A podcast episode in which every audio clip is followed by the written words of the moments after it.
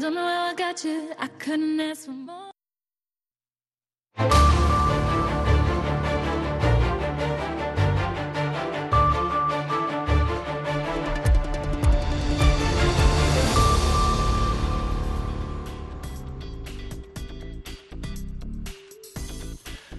Halkani waa washington laanta afka soomaaliga ee v o a oo aad ka dhagaysanaysaan mawjadaha gaagaaban efmada geeska afrika iyo caalamkao dhan oo aad nagala socotaan v o a somaly com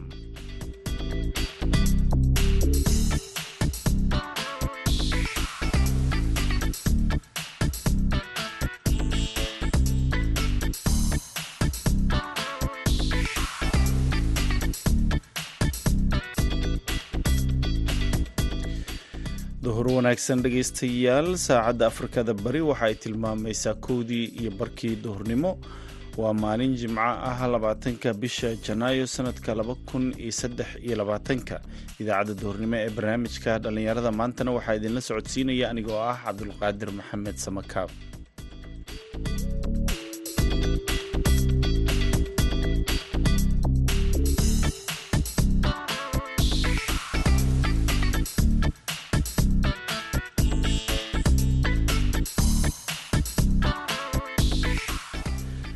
qodobada aad ku dhegaysan doontaan idaacaddeenna waxaa ka mid ah barnaamijka sooyaalka dhaqanka oo aan ku eegi doono culimmadii hore ee soomaaliyeed iyo kaalinta ay ku lahaayeen waxbarashada iyo arrimaha bulshada. Culimadiinka soomaaliyeed marka taarikh ahaan la yidhaahdo doorka ay bulshada soomaaliyeed ku lahaayeen wuxuu ahaa door mannaar ah ama door ifaya. Culimmadu bulshada waxay u ahaayeen wax aan maanta hadda lagu soo koobi karayn kaalmihii heesaha iyo ciyaarihii ayaad sidoo kale maqli doontaan balse intaasoo dhan waxaa ka horreeya warkii dunida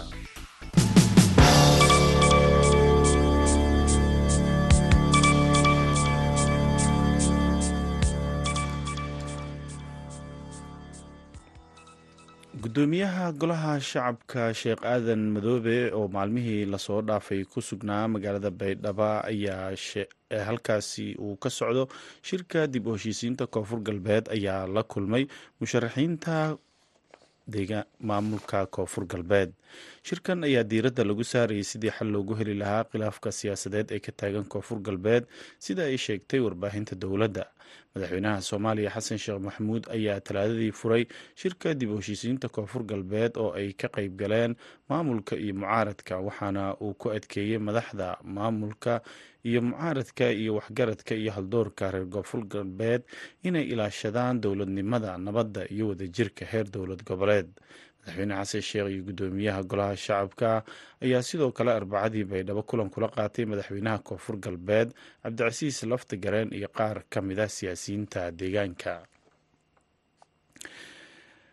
Ciidamada ammaanka ee dalka kenya ayaa sheegay in toban ka tirsan maleeshiyada al-shabaab ay ku dileen bariga kenya sida uu sheegay sarkaal ka tirsan dowladda kenya khamiistii waxay sidoo kale furteen hub ay ka mid ahaayeen baasuukayaal iyo walxaha qarxa kadib markii arbacadii ay kula dagaalameen maleeshiyaadka tuulada gamagala ee ismaamulka gaarisa sida uu yiri thomas bet oo ah guddoomiye ku-xigeenka deegaanka buura wuxuu u sheegay wakaaladda wararka ee reuters in howlgalka ka dhanka ah al-shabaab ay ee ku sugan ay fuliyeen ciidamadooda ayna ku dileen toban ka mid ah kooxaha islaamiyiinta waxaana ay furteen ayuu yiri hubkii ay weerarka ku soo qaadeen.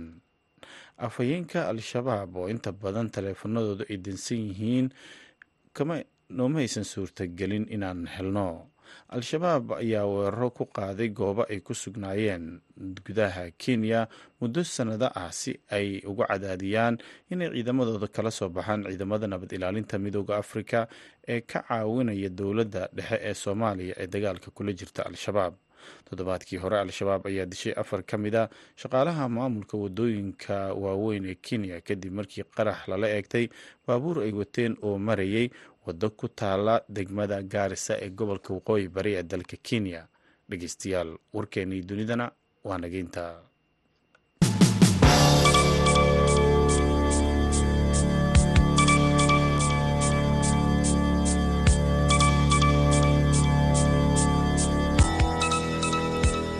Halka halka aad warkaasi ka dhagaysanayseen waa idaacadda v o a oo idinkaga imaaneysa washington. Jimco wanaagsan dhegeystayaal haddana waxaad ku soo dhowaataan barnaamijkeenii sooyaalka dhaqanka. Waxaa inoo soo jeedinaya ama soo diyaariyay waryaha v o eda ee magaalada laascaanood cabdikariim olol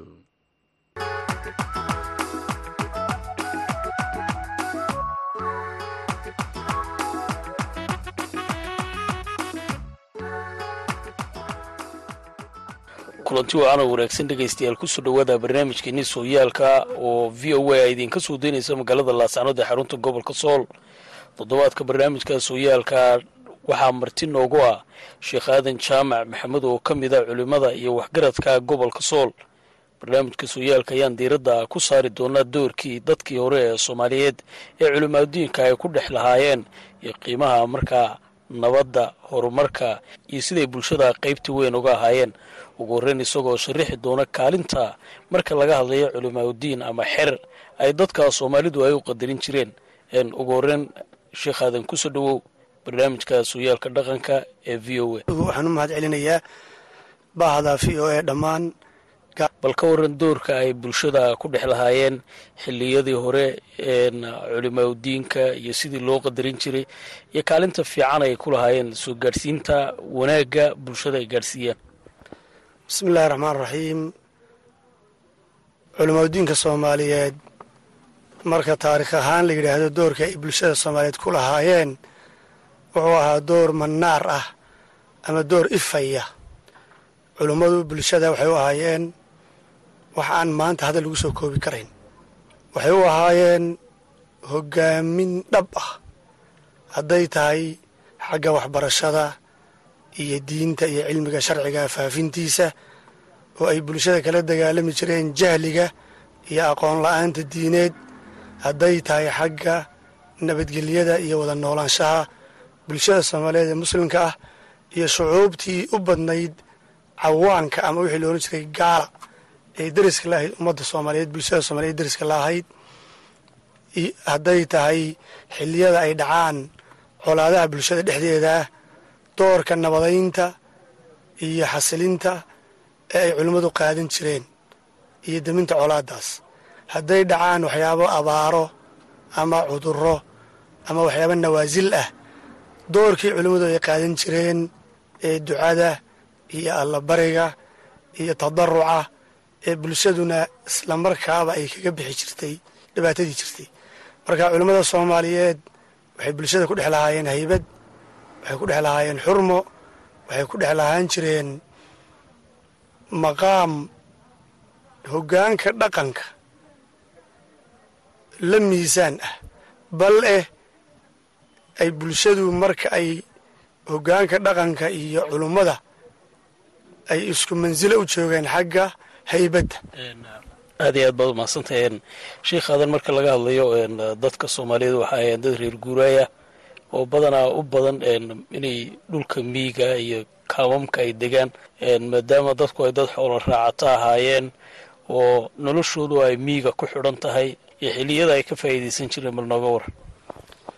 Bulshada soomaaliyeed meel ay joogtaba sida sooyaalka iyo taariikhdu ay qorayso culummada soomaaliyeed marka laga yimaado xarumihii waaweynaa ee caanka ahaa sidii magaaladii harar ama zaylac ama muqdisho ama warshiikh iyo meelihii la midka ah ee galbeedka soomaalida ahaa.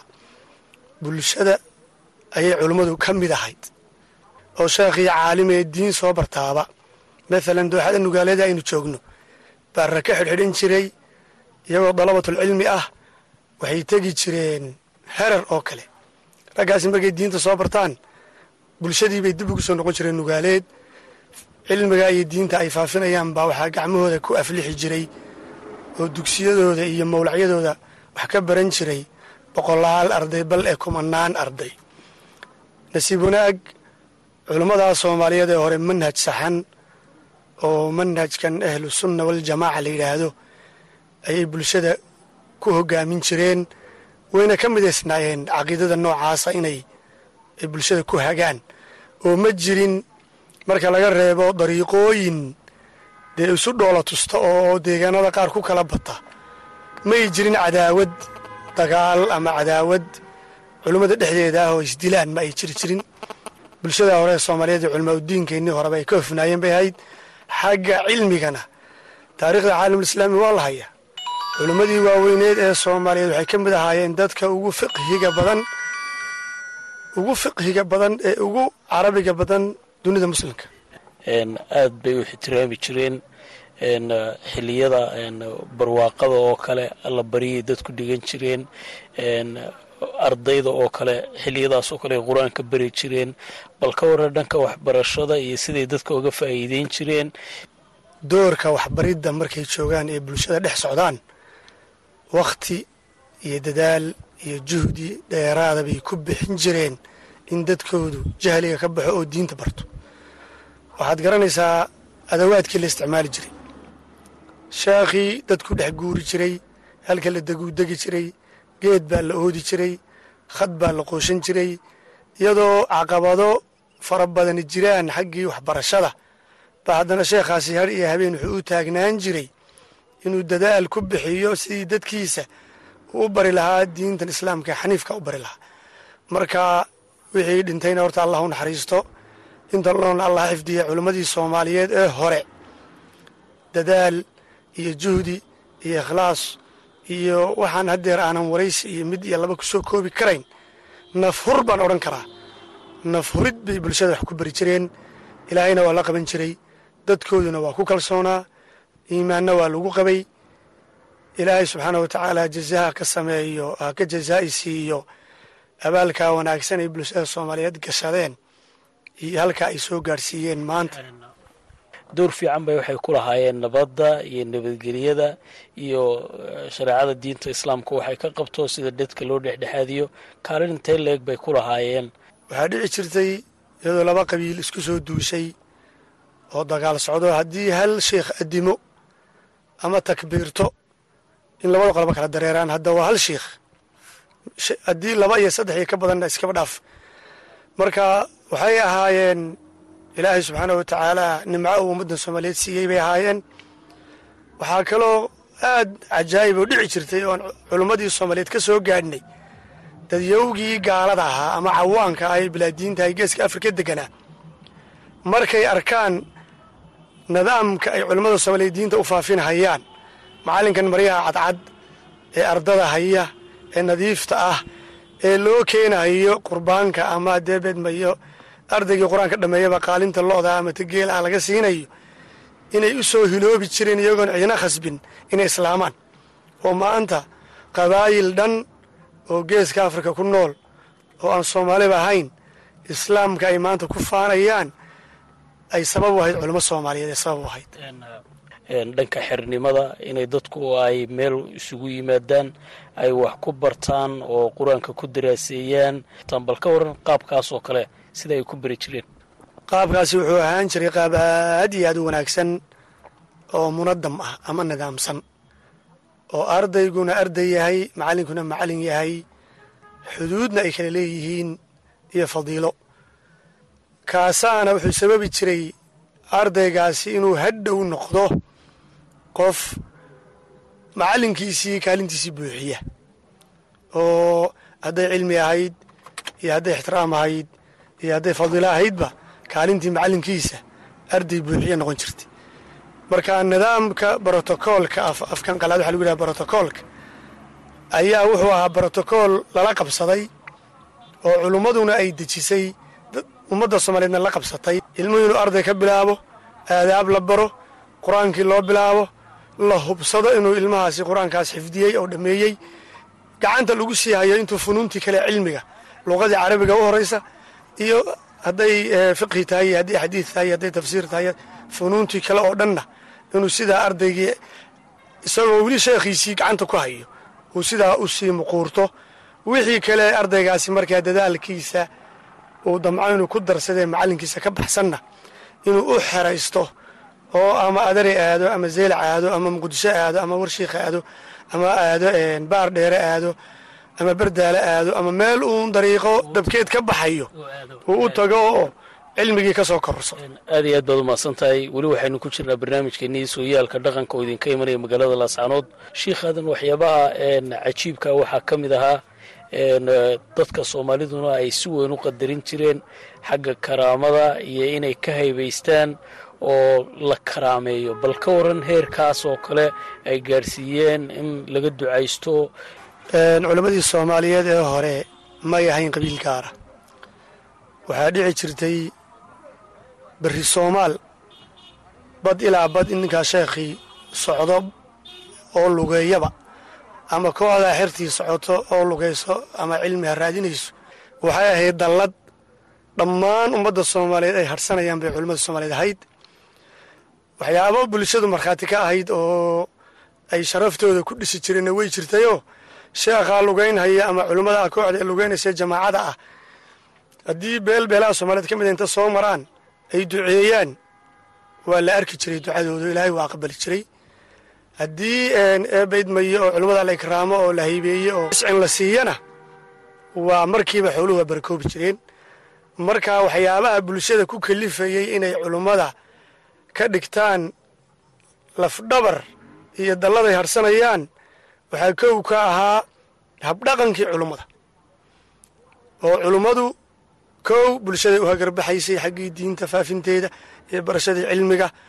Laba xuduud gaara ma aysan lahayn ee berri soomaal oo dhan bay gees ilaa gees lugaynayeen oo safrayeen oo diinta faafinayeen oo dadka waxbarayeen. Meeshii ay kula kulmaan cid soomaaliyeedoo ama colaadi dhex taallo ama khilaaf dhex yaallo taana way xallinayeen doorkooda. Iyagoon cidina u dirin baa waxaa farayey risaaladii xambaarsan yihiin iyo diinta. Shiikhaadan sidaad u sheegtay adoo aad iyo aad u mahadsan culimmadii hore ee soomaaliyeed waxyaabaha sida weyn looga ducaysan jiray waxaa ka mid ah xilliga xanuunadu faafaan oo kale ama dadka reer miiga oo kale xanuuno ay ku dhacaan dadka iyo duunyadaba. Marka waxyaabahaasi dhacaan nawaasiisha ah ee cudurrada iyo abaaraha beriga dhulka camimaha culummadu iyadaa number one ummadda iyadaa hogaamin jirtay. Cid weliba culimmada deegaankaasi uga dambayn jirtay xilliga la kulmayo madasha la isugu imanayo khudbada la akhrinhayo ducada la akhrinhayo waxaasoo dhan waxay ahayd door ay culimmadu leedahay. Bulshadu waxay lahayd ijaabo ama inay culimmada aamiintooda xoojiyaan wixii culimmadu soo jeedisee tala'ana la qaato hadday nadaafad tahay hadday duco tahay hadday allabari tahay hadday adabinmayeen wadajir tahay iyo munkar iyo wax layska reebahayo laga harayo tahay. Had iyo goor doorkaa culummada lambarwan ahayd bulshaduna ta'yiid ay ayido culummada iyo garab istaag ay garab taagan tahay. Wadajirkaasaa lagaga gud waxaasoo dhan culummadu horey uga hadli jireen cudurradu waa dhici jireen. Diinteenna xaniifkina way sheegtay doorkooday qaadan jireen oo bulshaday ku wacdiyi jireen nadaafadda bulshaday ku wacdiyi jireen haddee dadaalka laga dadaalaya cudurka bulshaday ku wacdiyi jireen wax allaale wixii ama nadaafad xumo keenaya ama cudurba keenaya inay ka fogaadaan. Bulshaday ku wacdiyi jireen inay xagga nadaafadda iyo caafimaadka oo diinteennu sal u tahay dahaaradeedu ay u iishaan. Shiikhaadan dee berigaas culimmadu aad bay u yarayd waxaa laga yaabaa deegaan dhan in hal shiikh ama hal wadaaduu joogo oo dadka diinta fara bal hadda ka waran faafitaankii marka magaalooyinka iyo miyiga intaba laga hadlayo iyo sooyaalkaa hore iyo kan hadda aynu joogno oo kale. Waa wax aad iyo aad iyo aad u kala duwan. Wax aad iyo aad iyo aad u kala duwan weeyaan. Marka wax hadda maanta laisbarbar dhigi karo ma aha. Waxyaabahaad ku garaadsatay dhanka waaye aragnimadaada culimaudiinkii hore iyo kuwa doorka ay bulshada ku lahaayeen. Waxyaabahan aad ka xusta waxaa ka mid a. Haddii sheekha deegaankaa joogaa uu mathalan bulshada deegaankaa yidhaahdo haddee bedmaye warberri waxaa caynkaasaynu ka ducaysanaynaa cudurka noocaas ama abaarta noocaas ee halaysu kaalayo. Qof khilaafaa ma jiri jirin. Qof sheekhaa khilaafaa ma jiri jirin qof caarido oo sheekha yidhahda war muxuu sheegina ma jiri jirin. Ee acmalkaa sheekhu naadiyey ee ama roobdoonta ah ama ducada cudurka laga ducaysanayo baa iyadoo niyaduna saafi tahay. Jamacna layoo la wada jiraa lagu dhaqaaqi jiray maanta waxaa suura ah sheekhii isagoo wacdiba wada oo ila darti u wada waddadaa mid maraya hortiisa maraya inuu yidhahdo war muxuu sheegaya? Oo ama ku jeesjeeso ama laba yaabo waxa sheekhu akhriyayo ee wacdiga ah oo qalbigii baa dadka engegey fitantii iyo akhru zamankii baa fidnadiisii dabooshay. Marka maanta waxaaba laga yaabaa inaad aragto sheekh sheekh kale muxaadara uu gelay daba taaganoo le waxba kama jiraan. Meeshuu isagu ummadda cilmi kale gaadhsiin lahaa ama qayb kale oo qaybta wadaadkaasi ka hadlay baan ahayn oo jahli ka haysto bulshada oo xil iska saari lahaa. Buu wuxuu xil iska saarayaa sheekha muxaadaradiisii inuu isaguna muxaadaro dhan u qabto u yidhahdo waxba kama jiraan. Barnaamijkana innaga soo xidhi doona sheikh aadan talooyinka aad soo jeedinayso adoo horeyna u sheegay waxyaabaad is leedahay way ugu wanaagsan yihiin in magaalo iyo mii iyo dadkuna ay isku xidhnaadaan. Maxaa ka mid ah? Soo jeedinaya culamaa udiinka soomaaliyeed. Hadduu kenya joogo iyo hadduu joogo jabuuti iyo hadduu joogo kilinka etoobiya soomaalida iyo hadduu joogo soomaalidii burburtayba culummada soomaaliyeed doorkooda ha qaateen fadhiga ha ka kaceen ilaahay iyagoo uga baqaya ummaddan iyagaa hoggaan u ahe. Maanta ummadda soomaaliyeed ha badbaadiyeen oo dariiqii saxda ahaa kitaabkii ilaahay iyo sunnihii rasuulka iyo diintii ilaahay baray ee ammaanada ku ahayd ee aakhire la weydiin doono ummadda ha ku badbaadiyeen. Dhegeystayaal waxaa intaas inoogu dhan barnaamijkeenii sooyaalka dhaqanka oo idinka imanaya magaalada laasaanood ee xarunta gobolka sool. Toddobaadkan waxaa marti noogu ahaa sheekh aadan sheekh aadan jaamac maxamed oo ka mid a culimmada iyo waxgaradka gobolka sool. Intaynu ku kulmi doonno barnaamijkaasi mid la mida dhammaantay waxaan idinkaga tegaynaa sidaasi nabadgeli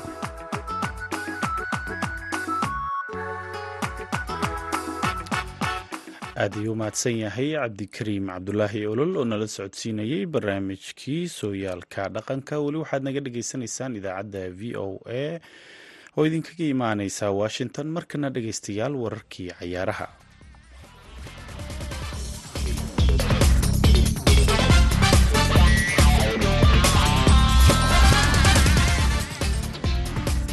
haddii aan ku horeyno qaaradda yurub kulamo kala duwan ayaa laga ciyaaray tartamada dalalka waaweyn ee ka dhisan qaaraddaasi. Horyaalka ingiriiska kulan ka tirsan ayaana shalay la ciyaaray kaas oo ah kulankii u dhexeeyey kooxaha manchester city iyo tottenham.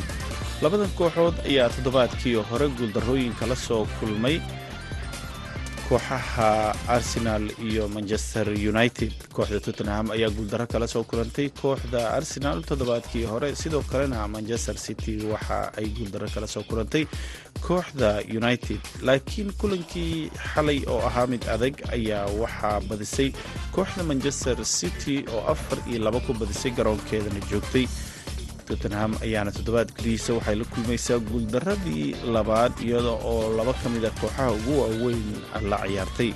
Ciyaarta oo ahayd mid adag ayaa goolasha waxaa la horumartay kooxda tottenham. Qaybtii hore laba gool iyo eber ayaa lagu kala maray waxaana u kala dhaliyey kulesafiski iyo weliba emerson royal. Laakiin markii la isku soo laabtay ayaa kooxda city waxa ay dhigeen wacdaro iyada oo afar gool ay ku bedeleen lix daqiiq gudahood ay city ku dhalisay laba gool waxaana goolasha city ay ku badisay guud ahaan laba ka mid a u dhaliyay ciyaaryahan riyaad mehras oo ku damay kooxdii manchester united markii ay ka hortageen laakiin toddobaadkan marka la ismuujiyey labada gool oo kalena waxaa kala dhaliyay albaras iyo halan oo dib u furtay mar kale ama dib u bilaaba goolooyinta isagoo kulamadii la soo dhaafay ay xaaladda aada ugu adkeen sidaasna kooxda city ay mar kale ay booskeedii ku xajisatay iyada oo shan dhibicna u jirsata kooxda hogaaminaysa ee arsenal oo iyadana maalinta berita ah kulan adag la yeelan doonta kooxda manchester united. Haddii arsenal ay kulankaasi badiso waxay mar kale sii dheeraysan doontaa dhibcaha haddii laga badiyana intaas ayay ku joogi doontaa. Dhinaca dalka sbainna kooxda real madrid ayaa kulan ay ciyaartay guul ka gaartay kooxda villareal real madrid ayaa kulankan oo ahaa mid adag. Waxay uga badisay villareal saddex gool iyo laba gool. Goolasha real madrid ayaa waxaa kala liyay xidigaheeda kale ah militao venicius junior iyo weliba cebayos goolka labada gool ay la timid kooxda kale ee villareal oo garoonkeeda joogtana waxaa u dhaliyay kabuwe iyo xidigaheeda kale ee kale ah jakowiza dhinaca dalka talyaanigana kooxda yuventus ayaa laba gool iyo gool uga badisay kooxda monza. Lazio waxay hal iyo eber uga badisay kooxda bolonya kooxda atlantana waxa ay shan iyo laba uga badisay kooxda specia laakiin waxaa dhinaca kale kulamo kale oo ka tirsan horyaalka liiga oo la ciyaarina kooxda yar ee markaasi kuweta iyo barcelona oo wada ciyaarina barcelona ayaa shan gool iyo eber ku garaacday. Kooxda barcelona ayaana sanadkan hogaaminaysa horyaalka laliigaha dhinaca kale waxaa sidoo kale jiri doona kulamo ka tirsan horyaalka premier leaga oo la ciyaari doono toddobaadkan kulanka ugu adag wuxuu noqon doonaa kooxda manchester united oo crystal balas hal iyo hal la gashay maalin ka hor iyadoo ka faa'iidaysan weysay kulankaasi waxaana kulanka arsenal iyo manchester ka maqnaan doona ciyaaryahan casimero oo qaatay jaalihiisii shanaad taasoo si weyn loo hadalhayo cidda kooxda manchester united ay gelin doonto booska casimero sidoo kale waxaa iyana jiray ama la ciyaari doonaa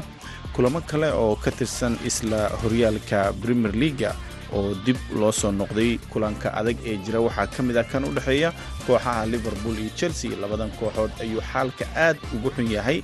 Muddooyinkii dambe waxaana uu dhici doonaa sabtida berri waana kulanka ugu horreeya kulamada toddobaadkan. Dhacaya wararkeennii ciyaaraha. Waa naga intaa.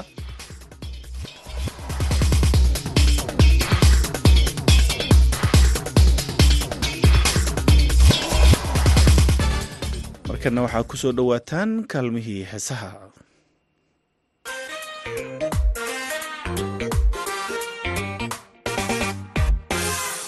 cinda lama ammaano cuyub looma heese munacaynkana tahay la cajiibay anigune cinda lama ammaano cuyub looma heese munacaynkana tahay la cajiibay anigune xaramko la ciidiyo carafay allada timi isay kuba barbaartayo weligeed weligeed macaasi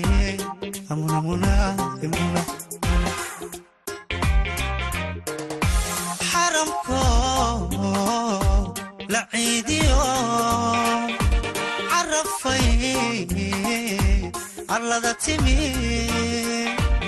isay kuba barbaartayo weligeed weligeed macaasi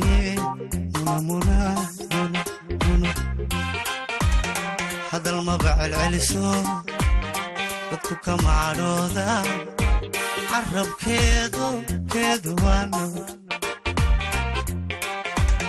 Hadal maba celceliso dadku ka macadhooda carabkeedu keedu waa naban ceeb laguma heli karo cadrad qaaliya tahay isaad sharafta dheer tahay curad dawrsan baa tahay ceeb laguma heli karo cadrad qaaliya tahay isaad sharafta dheer tahay curad dawrsan baa tahay awadaranta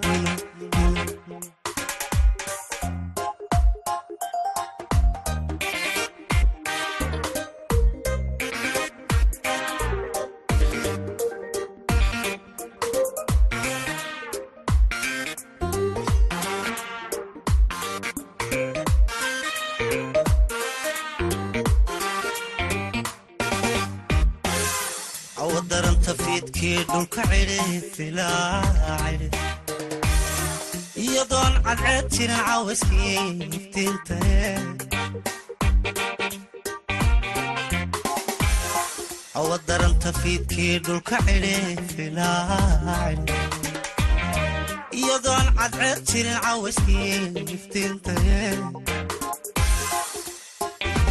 xaramko la ciidiyo